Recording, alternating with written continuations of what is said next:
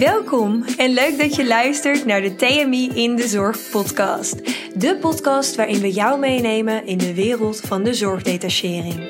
Je luistert in deze podcast naar verhalen en interviews over het ondernemerschap, werken binnen verschillende ziekenhuizen en andere zorginstellingen, buitenlandse werkervaringen en nog veel meer. Mijn naam is Lisa Bens, recruiter bij TMI en graag neem ik je mee in de wereld van de zorgdetachering. In deze aflevering hoor je het verhaal van Noël de Vries. Twintig jaar geleden is hij vanuit zijn woonkamer begonnen met het idee om zorgprofessionals uit te lenen aan diverse ziekenhuizen. Anno december 2021 is zijn idee uitgegroeid tot een van de grootste detacheerders op zorggebied in heel Nederland. Het is een ondernemer in hart en nieren die vol passie en enthousiasme onderneemt. In deze aflevering vertelt Noël over de weg die hij heeft moeten afleggen om TMI te brengen waar het nu is. Nou Noël, welkom. Leuk dat je er bent vandaag. Dankjewel Lisa. Want hoe vind je het om eh, te gast te zijn in eh, de podcast die gaat over je eigen bedrijf?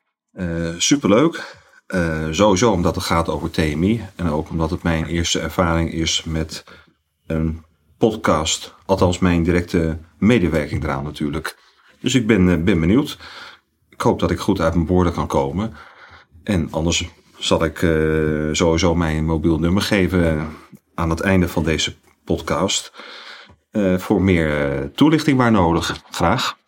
Dat is een goede om de luisteraars in ieder geval tot het einde van de aflevering aan de hoek te houden. Want mag ik je vragen om jezelf even voor te stellen? Ik ken je natuurlijk al. de meeste mensen binnen TMI weten wie je bent.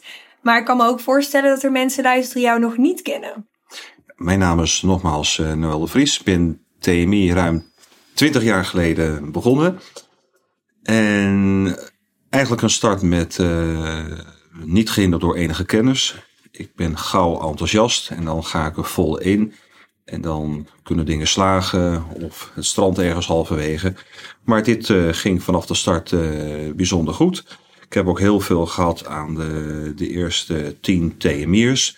Die daarvoor werkzaam waren via een ander bureau. Uh, daar liep het niet zo goed mee af. Niet wegens de markt, die was prima. Er was voldoende vraag naar, naar zorgprofessionals. Echte de interne organisatie was niet zo goed op orde. Dus uh, dat bedrijf ging ter ziele. En met alle kennis van de met name verpleegkundigen, gespecialiseerde verpleegkundigen, waarmee we van start zijn gegaan, heb ik bijzonder veel gehad. Uh, uiteraard uh, wegens nul kennis van de zorg op dat moment. Nu weet ik er heel veel vanaf, uiteraard. Maar ook ja, ziekenhuizen intern. Wie kon ik bellen voor informatie? Op dat moment had ik nul kennis nogmaals. En ik heb binnen een paar maanden heb ik heel veel.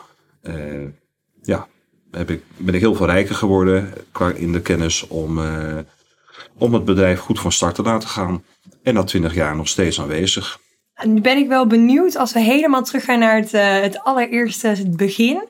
Hoe ben jij begonnen met jouw interesse voor ondernemen? Want ik kan me wel in ieder geval voorstellen dat TMI niet je allereerste ondernemende idee was. Nee, on, het ondernemen heeft altijd al in me gezeten. Of het nu op hele jonge leeftijd uh, bloemen verkopen, deur aan deur. Gewoon naast mijn uh, middelbare schooltijd. ik heb kalkstenen schouwen uit de Dordogne Frankrijk naar Nederland uh, gehaald. Een paar jaar gedaan. Ik heb sowieso een financiële achtergrond. En ja, TMI is feitelijk ontstaan toen ik ingehuurd uh, werd door Achmea. Eigenlijk Achmea Global Investor. Zij deden vermogensbeheer. Leerde ik een andere interimmer kennen. en hij kende een verpleegkundige. Hè, werkzaam bij dat bureau waar ik net naar refereerde, wat het helaas niet heeft gehaald. Uh, zo is het van het een tot het ander gekomen. Ja, via die ene verpleegkundige ben ik in contact gekomen met uh, ongeveer tien andere verpleegkundigen. Waarvan er een paar nog, uh, nog steeds werkzaam zijn bij TMI, waar ik super trots op ben. wij hebben toen met elkaar afgesproken op een zaterdagmiddag bij mij in de huiskamer. En na een paar uur spreken met elkaar, hebben elkaar het vertrouwen gegeven. En ja, ik vertrouw natuurlijk op hun kennis en inzet en, uh, en, en, andersom natuurlijk. Maar dat is wel een hele mooie start geweest. Dat is het, uh, het kenbare verhaal wat we inderdaad bij TMI ook altijd vertellen. Dat je in de woonkamer begonnen bent. Want toen je eenmaal begonnen was, hoe heb je dat zo kunnen voortzetten? Was dat makkelijk of ging dat redelijk goed?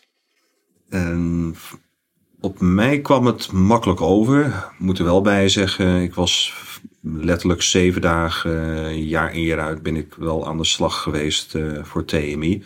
Want ik hou ervan om iets altijd heel goed te doen. Dan ga ik met al mijn energie erin. En ja, als de, onze opdrachtgevers, eh, met name ziekenhuizen in het begin, eh, de aanvragen bij ons neerleggen, dan heb ik, wil ik ze graag allemaal invullen. Dus voor mij was het ook een eeuwige zoektocht naar, naar kandidaten. Om die te interesseren, om vooral de samenwerking op te zoeken met, met TMI. En dat ging bijzonder goed. Vond je het makkelijker inderdaad dan om eigenlijk een samenwerking te zoeken met de ziekenhuizen? Dat je daar gewoon kon binnenlopen? Of heb je gewoon de telefoon gepakt en de, e-, het eerste ziekenhuis in het telefoonboek uh, gebeld? Uh, eigenlijk van, van beide. Ik heb deels ziekenhuizen gebeld uh, naar van informatie van de verpleegkundigen waarmee we van start zijn gegaan. En ja, zeg maar de andere helft heb ik ziekenhuizen, ja, oldschool, gewoon met zoeken en gewoon gaan bellen. Ja, en dan maak je in het begin natuurlijk wel een aantal fouten. Maar als je het op een goede, leuke manier eh, brengt, dan vergeven ze je eigenlijk alle fouten. Door ze uiteindelijk, zij hebben iemand nodig, ik heb iemand. En ja, om daar natuurlijk uh, iets over af te spreken waarbij dat door kan gaan. En, maar dat, dat ging uh, redelijk snel uh, heel goed. Dus met humor, want wat voor fouten maakt hij? Weet je dat nog een beetje? Wat zijn de echte beginnersfouten? Nou, je hebt ook weinig verstand van de termen die worden gebruikt. Ook niet van de, van de uurtarieven. Ja, als je geen informatie hebt. Een nieuw collega die bij TMI komt op kantoor wordt uh, altijd keurig ingewerkt. Ik had natuurlijk uh, eigenlijk niemand om, uh, om ingewerkt te worden. En dan is het learning by doing, zoals ze dat altijd zeggen. Waar haalde je die informatie vandaan? Gewoon Google Google Search, eh, hoe je dat moest aanpakken? Of had je een eh, andere ondernemer die jou uh, hierbij hielp? Nee, ik heb veel bij de, uh, veel van de verpleegkundigen waarmee we van start zijn gegaan. En uh, ook heel veel van de, de teamleiders van, van ziekenhuizen. Die mij goed hebben bijgepraat hoe, nou, hoe onderwerpen in elkaar staken. Dus daar vond je dan wel een samenwerking mee. Als je dan een fout maakte, weer opbelde, het goed maakte. En dat ze je dan toch aan de hand namen om je erbij te helpen. Als ik het zo mag samenvatten. Klopt. Als het duidelijk is dat je eh, enkel de allerbeste intenties hebt om er iets moois van te maken, dan zijn ze bereid om alles te vergeven. Uh, en ja, als je je fouten of fouten, als je misschien een bepaald onderwerp niet goed hebt begrepen, je kan ze herstellen. Alles met het doel uh, om tot een mooie samenwerking uh, te komen. Dat is altijd prima gelukt. Ja, nu zijn er heel veel uh, concurrenten in de markt, zal ik maar zeggen. Was dat toen destijds ook al? Of was jij eigenlijk de enige die hier aan begon? Nee, die waren er toen ook. En het is altijd zo in de zorg, of feitelijk in elke markt. Als, er, als de markt goed is, en de markt is goed als er, de, de krapte heel groot is, dan zie je dat er elke maand een aantal ja, concurrenten toenemen zijn weliswaar natuurlijk wel vele kleine partijen, want die beginnen natuurlijk ook met, uh, met weinig. En dat zie je nu ook op dit moment. Uh, er zijn heel veel partijen, maar met name relatief kleine partijen. Ja, en wij zitten natuurlijk op een eh, hele andere planeet inmiddels. Ja, en in december bestaan we natuurlijk uh, 20 jaar. Ja. Als ik nu helemaal terugpak naar het begin, hoe is het een beetje opgebouwd? Dus je had eerst uh, alleen ziekenhuizen, VVT is natuurlijk later bij uh, gekomen. Hoe is dat een beetje zo gaandeweg gegaan? Ja, we zijn inderdaad gestart met, uh, met ziekenhuizen. En begonnen met algemeen verpleegkundigen en deels gespecialiseerde verpleegkundigen. Intensive care verpleegkundigen bijvoorbeeld. Door de jaren heen uh, hebben we dat uh, fors uitgebreid. Ik heb altijd heilig geloofd in dat je bij ons alles kan halen. Nou, met zo'n woordje natuurlijk one-stop shopping. Dus ik geloof altijd al uh, dat je breed uh, kan aanbieden op uh, verpleegkundig vlak. Dus vrijwel alle specialisaties. Daar zijn we ook prima in geslaagd. Dialyse verpleegkundige, oncologie verpleegkundige, obstetrie, gynaecologie verpleegkundige. Enzovoort, enzovoort, enzovoort. Dat hebben we natuurlijk verder uitgebreid ook met de bekende paramedische disciplines. OK, chirurgie, anesthesie, Later ook CSA. laboranten zijn erbij gekomen. we hebben ooit alle functieprofielen in, van een ziekenhuis bekeken. Nou, dat waren wij spreken 200. We hebben alles geprobeerd. En niet alles kon doorgaan. want soms was de setting dermate klein, dan kon je moeilijk op detacheren. Maar bijvoorbeeld ook gipsverbandmeesters, dat hebben we uiteindelijk ook uh, gedaan. Dat is ook hartstikke leuk uh, om te doen. Dan weer verderop, ook wederom naar ziekenhuizen, zijn we artsen gaan inzetten. En artsen zetten we feitelijk in alle deelgebieden in de zorg uh, zetten wij in. Tot en met CBR, voor het wel of niet goedkeuren of iemand verder mag gaan met zijn of haar rijbewijs.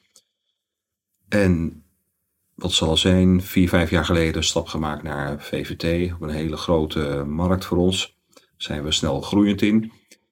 Uh, tot voor kort deden we vanaf Helpende Plus, maar nu ook uh, Helpende, waar onze bestaande opdrachtgevers ook al heel blij mee zijn. Grote behoefte aan. We hebben natuurlijk de ambulance tak, middel van ambulanceverpleegkundige chauffeurs en meldkamercentralisten. We hebben een mooie landelijke dekking van uh, RAV-opdrachtgevers. Ja, en echt feitelijk zijn wij continu op zoek naar eh, verdere verbreding van deelgebieden waar we inzet uh, kunnen laten zien van, uh, van goede kandidaten. Jeugdzorg zijn we natuurlijk ook gestart. En ja, het einde is niet in zicht. En ik, uh, wij weten ook met z'n allen een groot tekort aan hooggekwalificeerde zorgprofessionals. Die zijn er simpelweg te weinig. En naarmate het tekort verder oploopt, uh, om ja, de zorgverlening continuïteit te geven, ontstaan er ook nieuwe profielen. Denk bijvoorbeeld aan, uh, aan zorgbuddies. Uh, denk bijvoorbeeld aan, er is een tekort aan anesthesiemedewerker. Zet bijvoorbeeld een, een in. tekorten binnen de oudere geneeskunde. Bijvoorbeeld specialisten oudere geneeskunde, oneindig tekort. Maar bijna niet te vinden. Dus ook daar zetten wij ANUOS kandidaten in. En hoe kom je op dat soort ideeën om dat zo, uh, waar, met wie spar je? Kom je daar zelf mee of heb je veel mensen waar je het mee over kan hebben? Je spreekt natuurlijk met accountmanagers die uiteraard hun ideeën hebben. Veel spreken met, met klanten. Maar vaak is het ook gewoon logica als je weet wat de competenties zijn. Uh, dan kan een ANIOS natuurlijk niet altijd helemaal het gat dichten, wat een specialist oudergeneeskunde doet. Maar ja, dan is het simpel, uh, simpelweg gezegd beter een half ei dan geen ei te bieden. Dan kan de zorg toch op een bepaalde manier nog steeds met een rapportcijfer uh, voldoende. Kan de zorg doorgaan. En ik voorzie dat het alleen maar zal toenemen. Want als je zo naar de toekomst kijkt, wat komt er dan nog aan? Uh, we kunnen de, de, grote tekorten niet oplossen met, uh, met zorgprofessionals van buitenland naar binnen te halen. In het verleden zijn er natuurlijk een aantal projecten gestart van uh, zorgprofessionals uit bijvoorbeeld Indonesië, Filipijnen, India, Polen, Zuid-Afrika. Nou, dat, dat was volgens mij wel het bekende rijtje. Waar komt dat door? Feitelijk is allemaal mislukt. omdat werk in de zorg taal natuurlijk ongelooflijk belangrijk is. En sinds kort ook een vereiste. B2 voor een verpleegkundige, C1 voor een, voor een arts. En Nederlandse taal is een hele lastige taal. Dat hoor je natuurlijk wel eens vaker. Uh, en ja, er ligt toch, uh, je hebt te maken met patiëntenzorg. Dus communiceren in iemand die, die ziek is. spreekt ook liever in in de moederstaal dan in een buitenlandse taal, vreemde taal. Dus taal is ongelooflijk belangrijk. Dan heb je nog in de zorgverlening uh, culturele verschillen. Uh, de Nederlandse manier zal ook bekend zijn, is vaak direct, duidelijk. En de hiërarchie van arts-verpleegkundigen bijvoorbeeld in andere delen van Europa, die hiërarchie is veel strakker. En daar heb je niet altijd die makkelijke open communicatie zoals wij die hier in Nederland hebben. Dus dat botst ook. Dan ook nog een heel groot onderwerp is dat de Nederlandse zorgopleidingen eh, op nummer 1 staan in Europa. Dus alles wat van een ander land naar Nederland komt, is lager opgeleid. Al heet het ook verpleegkundige, maar het is gewoon lager opgeleid. Dus dan zit je met een groot kwaliteitsverschil. Als je dan een verpleegkundige uit het buitenland hier naartoe haalt, zal die verpleegkundige niet op het Nederlands verpleegkundig niveau functioneren. Uh, dan krijg je ook frustraties, want daar waren ze verpleegkundigen. Hier kan dat eigenlijk niet. Dat gat moet gedicht worden, in combinatie met Nederlandse taal. Dat is heel lastig en culturele verschillen. Uh, om dat gat te dichten. Natuurlijk wat anders als je tekort hebt aan, aan timmerlieden. Taal is geen onderwerp. Cultuur ook minder. Dan is het meer van ja, technisch timmeren Komt dat in de buurt van de Nederlandse technische manier van timmeren? Ja of nee? Maar dat gat is makkelijker te dichten dan uh, als het gaat om, uh, om de zorg. En wat is jouw opinie hierin? Hoe je dat het beste kan uh, invullen dan die gaten binnen de zorg, ondanks het tekort aan zorgprofessionals? Ja, het is een Noord-Europees probleem.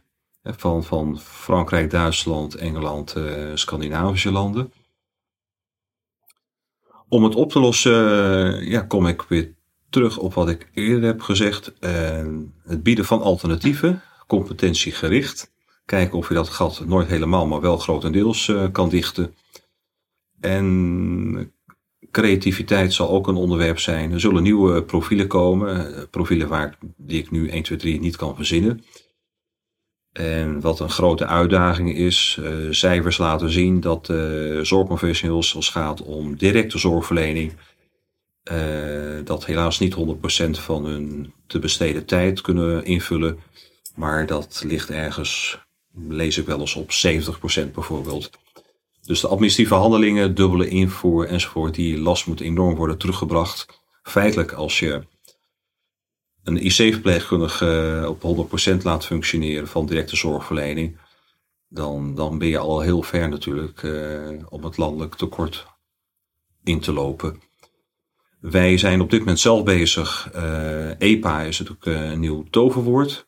Niets anders dan opleiden competentiegericht. Welke competenties heb je nodig voor voltooiing van de opleiding? Bij de start intakegesprek uh, laat toetsen welke competenties iemand al heeft. Nou, check, check, check. Blijft over die competenties.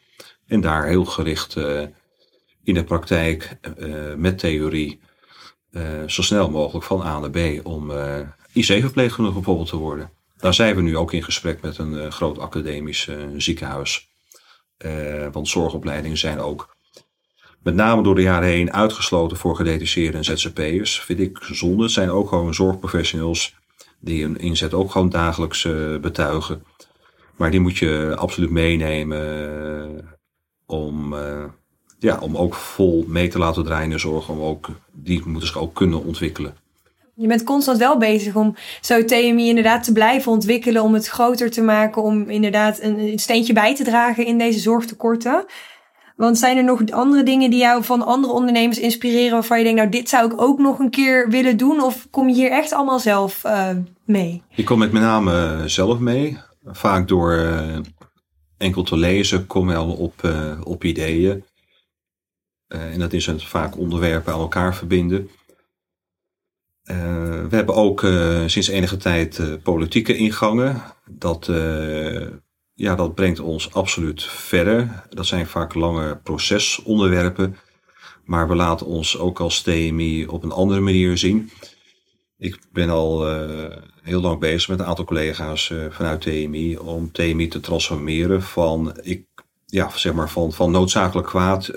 zorginstelling heeft tekort. ik kan niet anders, ik ga inhuren dat blijft ook altijd een onderwerp. Maar we willen veel meer toe naar echt partnership. Er zijn natuurlijk veel meer uh, onderwerpen in de dienstverlening. Wat, wat beide kanten van de tafel absoluut verder kan brengen. En er zijn grote knelpunten in de, knelpunten in de zorg. Waar zorginstellingen in combinatie met TMI de handen in één kunnen slaan. Om eigenlijk ja, de optelsom van 1 plus 1 in plaats van 2 dat het 3 gaat worden. Want wat voor ondernemer vind je jezelf als je jezelf zo hoort? Je bent super inderdaad innovatief, gepassioneerd ook. Hoe zie jij jezelf als ondernemer? Nou, die, die vraag stel ik mij nooit. Dus dat antwoord ga ik nu uh, verzinnen. Ja, ik ben altijd bezig met, uh, zoals ik het altijd noem, uh, met de toko. Ik wil alleen maar het beste. Ik zeg ook altijd tegen mezelf en ook wel eens menigmaal tegen collega. Ja, als je jezelf ondergeschikt maakt aan het totaalbelang, dien je als beste je eigen belang. daar vind ik het wel op neerkomen. Ehm, ja, ga maar eens met elkaar meer invullen dan. Er is gewoon meer tussen hemel en aarde. dat merk ik ook heel vaak terug aan de, de sfeer bij ons op kantoor. bij ons is de geest absoluut in de fles. Zeker een gedreven ondernemer, als ik het zo hoor in ieder geval. Ja, bij mij is het ook nooit klaar. Ik werk niet meer letterlijk zeven dagen in de week, maar ik ben, ben er s'avonds in de weekenden altijd nog mee bezig. Ook met kandidaten vind ik uh, gewoon superleuk om te doen. Ja, dat zie je vaak, want de kandidaten spreken jou ook nog wel eens uh, via LinkedIn uh, voordat ze bij ons komen bij recruitment. zo zie je wel dat je zelf heel veel op de, op de vloer doet. Want haal je daar juist je voldoening uit? Of waar, uit welk stuk van TMI haal jij de meeste voldoening? Ik vind het leuk om, om TMI uit te dragen zoals ik het meemaak. Uh, en op de inhoud ben ik oprecht van mening dat uh, wil je gaan detacheren, wil je gaan ZZP, dat je dat als beste via TMI kan doen. Heel simpel. Wij hebben bijvoorbeeld met ziekenhuizen, bij VAR grootste netwerk, wij werken letterlijk met alle ziekenhuizen in Nederland samen. In de meeste gevallen krijgen wij ook de aanvragen als eerste. Dus word je bemiddeld via TMI of ben je in dienst bij TMI, bij ons doe je vooraan met de aanvragen. Natuurlijk, er is eh, structureel tekort. Dus bij bureau nummer 63 kom je ook nog aan de beurt. Alleen als je vooraan staat, kan je kiezen uit, ik noem wat, 10 ziekenhuizen bij jou in de buurt. En dat is toch anders uh, dan uh, achteraan aansluiten en dan ben je alsnog aan de beurt. Dus dat is een, een heel groot voordeel, onderschat dat niet.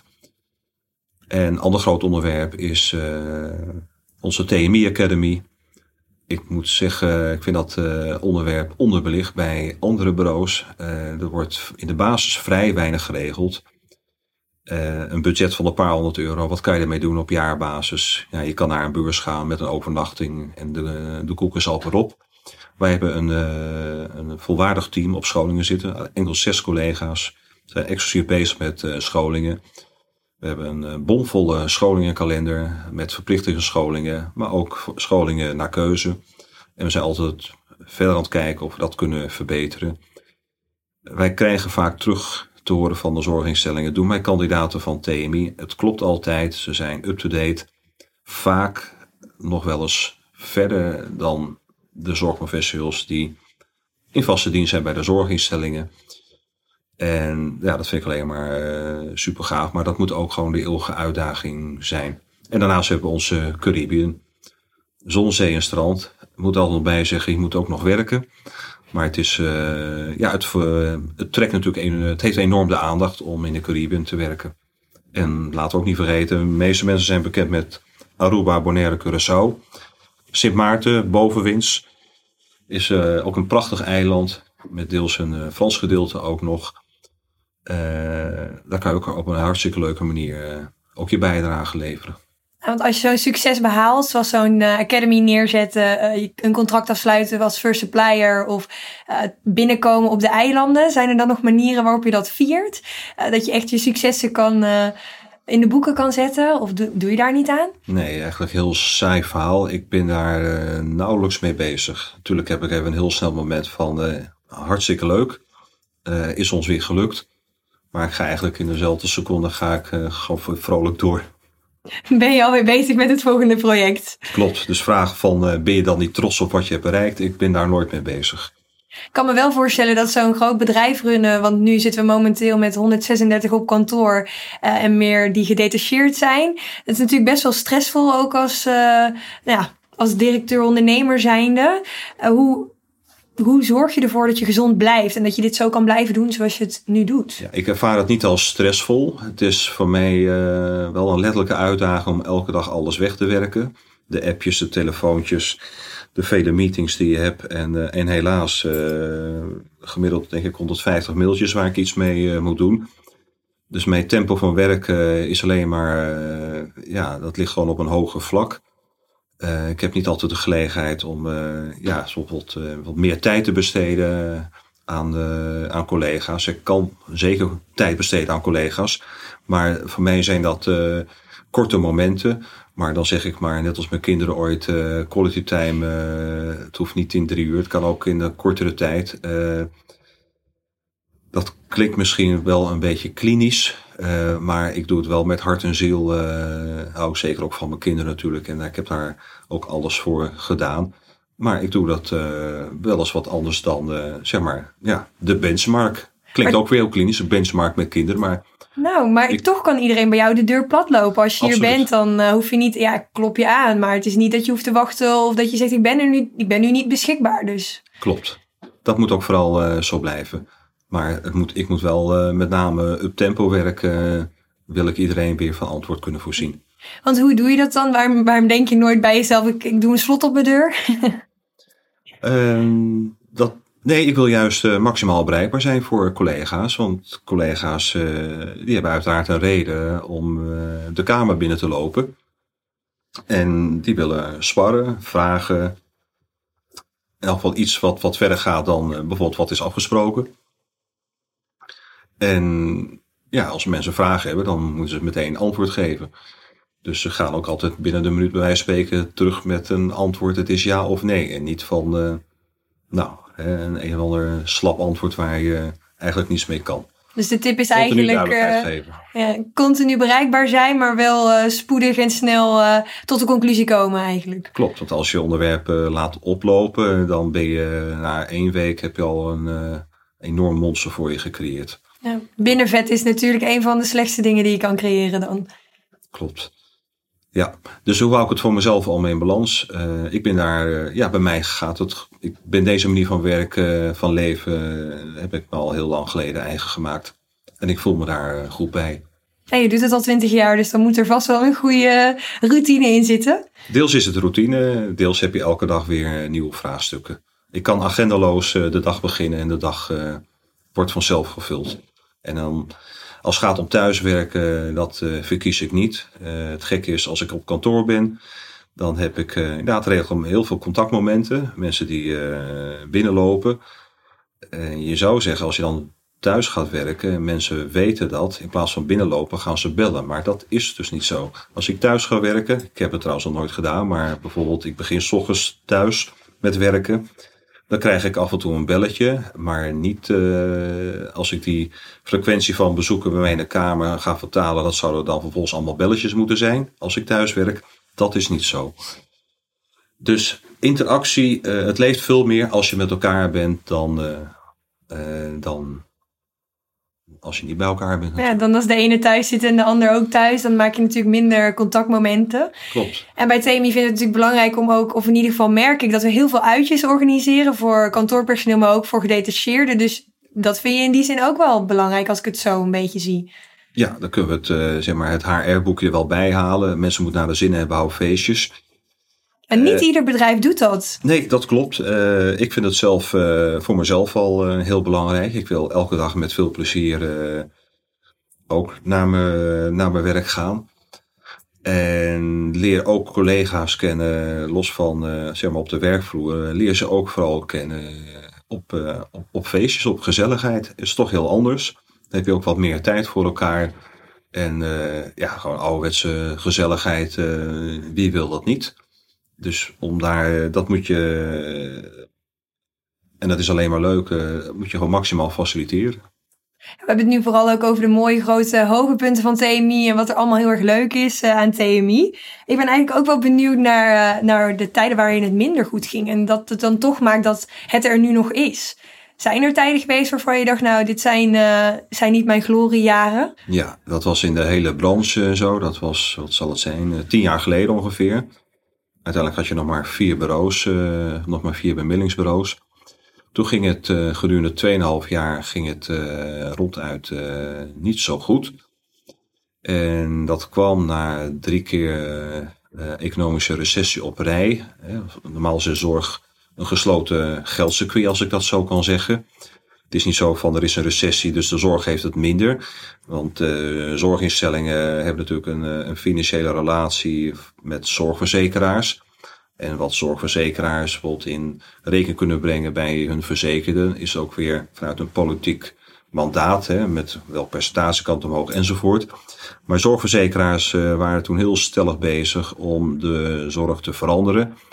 Uh, werden bijvoorbeeld uh, voor spataderen eigen bijdrage ingevoerd. Nou, dan merk je dat je met geld ongelooflijk veel kan sturen. Dan kan je ook zorg dus sturen. Uh, als, althans, als het gaat om in dit geval spataderen. dat was voorheen ja, wel een heel veel.